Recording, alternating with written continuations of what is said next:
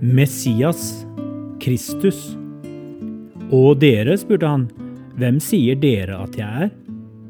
Da svarte Simon Peter, du er Messias, den levende Guds sønn. Matteus 16, 15-16. Messias kommer av det hebraiske ordet meshiach, som betyr den salvede. Å bli salvet med olivenolje var en gammel jødisk praksis for å innvie konger til tjeneste. Kristus er den greske oversettelsen av den salvede. Om vi på norsk sier Messias eller Kristus, kommer altså ut på ett. Da Israels storhetstid under David og Salomo var over, begynte håpet å vokse hos jødene om en ny konge av samme format, en som kunne gjenreise riket.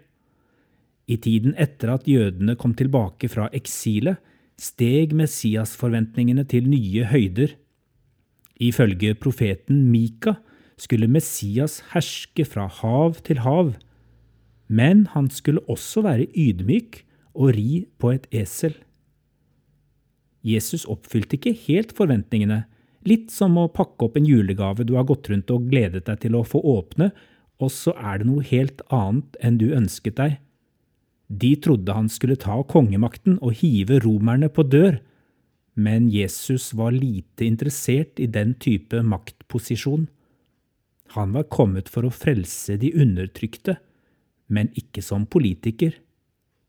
Først da det nærmet seg hans egen død, lot Jesus seg hylle som Messias da han red inn i byen på et esel.